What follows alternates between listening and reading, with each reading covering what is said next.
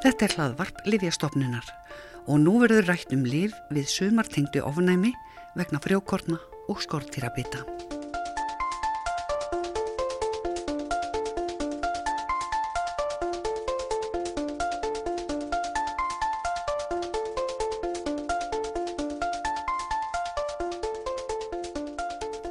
Þegar íslenska sumari gengur loksins í gard gleðjumst við flest, þökkum fyrir bjartari daga og fleiri hitastig en árstíðirnar á undan. En sumrinu geta fyllt óþægindi sem ángra fólk, mismikið þó. Stundum þess eðlis að grípa þar til livjanótkunar. Í þessum þætti af hlaðvarpi livjastofnunar ræðum við liv við sumar tengdu ofnæmi, ofnæmi vegna skortýra bita og frjókortna.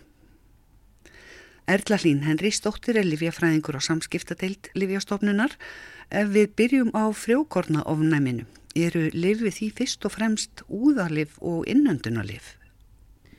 Nei, þau geta verið alls konar. Það er líka til intöku. Það eru ímsar töflur sem er hægt að taka við frjókornónami sem að geta þá minkað enkennin. En svo er líka hægt að fá bæði nefsprey og augndrópa sem að geta virka líka við frjókornónami. Þannig að það er margt til í þessu. Hvaða enkenn er þá verið að slá á? Hvaða viðbröð líkamanns er verið að, að já, tempra væntanlega? Það er verið að draga úr viðbröðum ónæmiskerfisins sem að fer á fullt við þetta og þá eru enkennin svona geta verið róði og kláði í augum, það getur runnið úr augum og eins og ofnæmis kvef er það stundu kallað. Getur komið nefrensli, kláði í nefi og nærri og slíkt. Náttúrulega í slæmum tilfellum þá getur það verið líka frá öndun og færum meira. En sko, nú er líka minn náttúrulega væntalega að, að vara mann við með þessu viðbræði sínu. Er þá ekkert uh, vafarsamt að vera að slá það viðbræð niður? Hann er náttúrulega svolítið að hlaupa fram úr sér með þessu. Hann er að vara þig við að því þú ert viðkvæmari en aðrir og það er í sjálfu sér ekkert í þessu sem að vekur ofnæmi sem er hættulegt þér ónæmiskerfi þitt vill bara tólka það þannig. Mm. Þess vegna þarf kannski að draga úr þessu því að enkennin eru miklu meira íþingjandi heldur en bara það að vera snertingu við frjókon væri. En eh, hvaða, hvers konar eh, liv eru þetta? Það, það var skrifu grein sem er á vefnum okkar um, um svona lifið sem að tengdu ofnami og það er til dæmis talað um andhistamin. Hvað er það? Antihistamin þau koma sérst í veg fyrir verkun histamins í líkamannum og það eru histamin sem að velda, valda helstu einkennum ofnæmis. Þau fara á flug og, og eru í svona yfir frambóði hjá þér og þess vegna færðu hérna, einkennu ofnæmis. Þannig að það er verið að slá á þau, draga úr virkni þeirra í líkamannu með antihistaminu. Og er það slík, er það slík líf sem eru nótuð uh, við frjókorna ofnæmi? Já, til dæmis eru þau nótið og bara margt til af þeim í lausasölu. Mikið hérna og verið til bara lengi. Margar tegundir til þannig að það er hægt að, að prófa sig áfram ef það er eitthvað eitt sem virkar ekki fyrir þig þá er oft til eitthvað annað sem að mögulega getur virkað fyrir þig. Hvað, hvað, hvers konar líf gætu líka til viðbóta við eh, antihistamínin hérna, virkað gegn frjókorna ofnami? Um, það er verið að nota bæði barkstera við því. Um, í þá eins og svona spreyi, nefspreyi og svo leið sem að dregur úr ofnæmisbólkum og svo er líka hérna bara önnur lif sem tilher ekki þessum flokkum sem eru til dæmis til í nefspreyi í lausasölu sem, sem að virka við ofnæmiskvefi líka. Uh, ef við uh, snúum okkur að skortýra byttum Það er náttúrulega sjálfgeft að skortir eh, hér heima að þau byrja með sér hættulega sjúkdóma en Erlendis eru þetta meiri hætt á slíku og fólk þarf að kynna sér vel hvað gæti gerst á viðkomustafnum en skortýrabitt geta samt hérna heima verið kvimleið sannarlega. Og eru viðbröð líkamans við eh, skortýrabittum eru þau eh, á einhvern nátt sambærileg og það sem frjókorna ofnamið veldur? Soltið sko Það getur verið soldið eins og afnæmisengjani líka. Það geta komið fram bólkur og, og erting, kláði, róði á, á staðnum þar sem þú hefur verið bitin eða stungin. En meðferðin hún er svona, Hún er oft öðruvísi, þetta, er, þetta varir í stittri tíma, þeir sem eru með frjókotnánum eru kannski slappir af því meiri hlutasumarsins en, en ef þú ert bitin að þá bara líður það hjá. En það er nota kannski meira svona staðbundið, staðbundin meðferð, til dæmis eitthvað deyfandi á húðina eða jafnvel verkjalið eða bólguðandilif. Það er náttúrulega ekki staðbundið en, en það getur þurft að nota það ef það veldur miklu vandræðum. Eru þetta eh, eins og við frjókortna ofnaminu mikið lausasöllulíf sem er hægt að fá við skortýrabiti? E, já, það er hægt að fá náttúrulega lítokæn svona smistli sem er hægt að bera á, á húðina og deyfir þá staðbundið og bæði paracetamól og íbúfenn til dæmis og, og fleiri verkja og bólkuðandilif eru í lausasölu og fást þá bæði í apotekum og líka ákveðnum verslunum sem að hafa verið skilgrendar sérstaklega verið með undan þá til að selja þessi lif? Einmitt. Það var nefnilega með livjalögunum sem gengu í gildi í áspyrjun 2021 að livjastofnun varð heimilt að veita almennum verslunum undan þá til að selja tiltekin lausasölu lif að uppfylltum ákveðnum skilirðum. Þarna var fyrst og fremst verið að hugsa til dreifbílisins en skilirði fyrir slíkri lifsölu eru að að minnstakosti 20 kílometrar þurfi að vera í næsta apotek eða lifja útibú. Lista yfir þær vestlani sem hafa þessa heimild má finna á vef Livjastofnunar á síðu sem heitir Livsala utan apoteka. Og þar er líka að finna lista yfir þau liv sem þessa búðir mega selja. En aftur að skortýra bitunum. Annað sem þú þyrti kannski að fylgjast með er af því að það er náttúrulega búið að rjúfa húðina eða úr bitin eða, eða stungin að þá þarfst að fylgjast með því hvort það komi nokkuð síking eða svo leiðis. Það er ágætt að fylgjast með því hvort það komi mikið liti eða þannig. En það er þá bara eitthvað sem þú þyrstir að fylgjast með og leita er þá kannski aðstofar við ef að það kemur.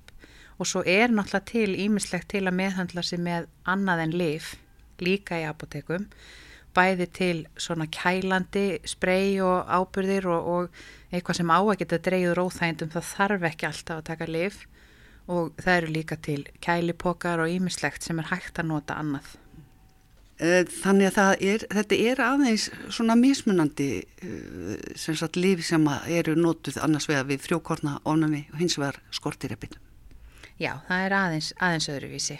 Til lifi frjókorna ofnami geta valdið svolítið miklum um, einkennum svona frá ímsum kerfum. Þú getur verið alveg frá í bara, þetta getur haft áhrif á einmitt öndunafæri, þetta getur haft áhrif á augu, þetta getur haft áhrif á þig bara á ímsanhátt en við skortir að byrja svona yfirleitt eða stungur er það kannski meira staðbundi nema og sért þá með mikið ofnæmi fyrir viðkomandi biti eða stungu. Þá er það náttúrulega eitthvað sem getur haft áhrif á þig meira og þá þarf alveg að hafa það í huga að hafa bara samband eins og við segjum um þetta í greininni ef, það, ef þú upplifir öndunarerfileika eða erfileika við að kingja eða, eða eitthvað slíkt að þá þarf náttúrulega bara að hafa samband við, við sjúkrastofnun Er kannski sko, eru viðbröðum við skortýrabiti mismunandi eftir því hvort að um blóðsugu er að ræða til dæmis lúsmi eða, eða, eða því um líkt eða veist, stungu sem varna viðbröð til dæmis frá geitungi er, eru mismunandi viðbröð líka manns og þá mismunandi líf sem að geitu þurft að koma til bara þekki ég það ekki mjög vel en ég get alveg ímynda mér að sé það mm.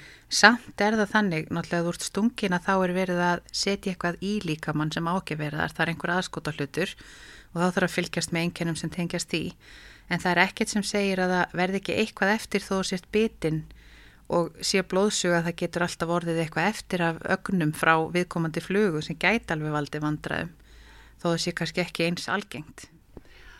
En þessi líf, þetta er mikið til lausasölu líf en í einhvern tilvikum þar kannski ávísun frá lækni. Er, er það málið að hérna uh, byrja á því að prófa lausasölu lífin og vita hvort þau virka og ef ekki að þá að leita til læknis?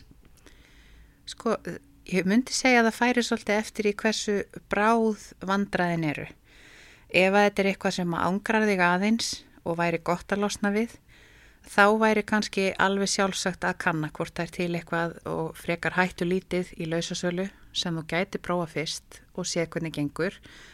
Ef þetta er eitthvað sem hamlar þér verulega og er til langstíma, þá er kannski ástæða til þess að kanna rótækari meðferðir og skoða það þá í samvinnu við lækni og eins ef að þú hefur prófað lif úr apoteki og þau eru bara ekki að slá nóg á ein, einkennin eða bara duga mjög skamt fyrir þig. Það er oft svolítið góð þumalputta regla að ef að maður þarf að nota meirinn eina pakningu á lausasölu lifi í, í einu, svona í beitt, að þá er kannski ástæða til að hafa samband við lækni. Og þá við um fleiri lausasölu lifi náttúrulega. uh, er eitthvað í, í sambandi við þessi ofnæmislif, hvort það eru lif sem eru notu fyrst og fremst við frjókorna ofnæmi eða, eða stungum er, eru einhver af þessum lifjum eitthvað varasum, þarf að hafa eitthvað sérstakt í huga þegar er verið að nota þessi lif Það er náttúrulega alltaf að fara að valega þegar þú ert að prófa ný lif Þú ert alltaf að kynna eitthvað fyrir líkamannum sem er ekki í honum fyrir og þú ert viljandi að hafa áhrif á, á kannski efnaskipti eða, eða eitthvað sem er að gerast í líkamannum hjá þér. Þannig að það sem að þú þart svolítið að hafa í huga er hvaða áhrif eru þessi lif að hafa á mig. Þau hafa kannski ekki sömu áhrif á mig og næsta mann. Og þó að viðkomandi lif sé ekki mert til dæmis með rauðum viðvörunaþrýrningi sem þýðir að það sé slæfandi eða maður þurfi að, að hafa varan á við nótkun og ekki nota vélar eða, eða bíla, þá getur verið ef að til dæmis stendur í aukaverkunum að það sé hugsanleg sifja eða hugsanleg slæfing að þá getur verið að virki þannig á þig. Þannig að það er ofsalega gott að hafa það í huga þegar þú ert að prófa það fyrst hvað áhrif er þetta að hafa mig? Ef þetta er að slæfa mig þá er ekki ráðlagt að taka þessi störf sem að krefjast mikillar árvekni eða bara að keira bíl. Og alveg eins með augndrópa ef, dróparnir, ef þú kemst að því að dróparnir valda þér þóku sín, þá er augljóslega ekki skinsanlegt að fara á staði bíl. Jável þó að sé ekki þrýhýrningsmert. Já, jável þess vegna. Að því maður veit aldrei alveg hvaða áhrif, hvaða leif hafa á mann, hvaða aukaverkanir maður upplifir. Þannig, og þess vegna er alltaf mikilvægt að lesa upplýsingarnar um lifið, kynna sér fylgiseðilinn að því það gæti verið eitthvað sem kemur mann á óvart þó að öðrum finnist það léttvægt. Og þetta ásensat líka við um, um ofnamislíf hvers konar. Þetta getur kalla fram einhverja slæfingu eða hvað? Já, það getur gert það. Og það er þá tekið fram sérstaklega. Veins er ekki öll lif hugsuð til dæmis fyrir börn. Það er ekki öll lif hugsu þannig að börn megi taka þau en sum mega börn taka allt frá tveggja ára aldri og þá þarf að skoða vel hvernig skamtastæriðnar eiga að vera. Þannig að það er bara rík ástæði til að hafa varan á áður en maður byrjar í lifja meðferð alveg sama hver hún er. Þetta var Erla Hlín Henry Stóttir, livjafræðingur í samskiptadeild livjastofnunar. Og rétt að nýkja á því sem hún sagði um að afla sér upplýsinga áður um aður byrjar að nota lif lausasölu liv sem önnur. Til dæmis með því að spyrja livjafræðingin eða livjatæknin í apotekinu, lesa líka fylgisiðilinn, fylgisiðil með öllum livjum sem er á markaði á Íslandi má finna á vefnum liv.is. Og greininum sumartengt ofnæmi sem minnst var á í samtalinu er á vefnum livjastofnun.is. En þá verður þetta ekki lengrað sinni Takk fyrir að hlusta á hlaðvarp Lífjastofnunar.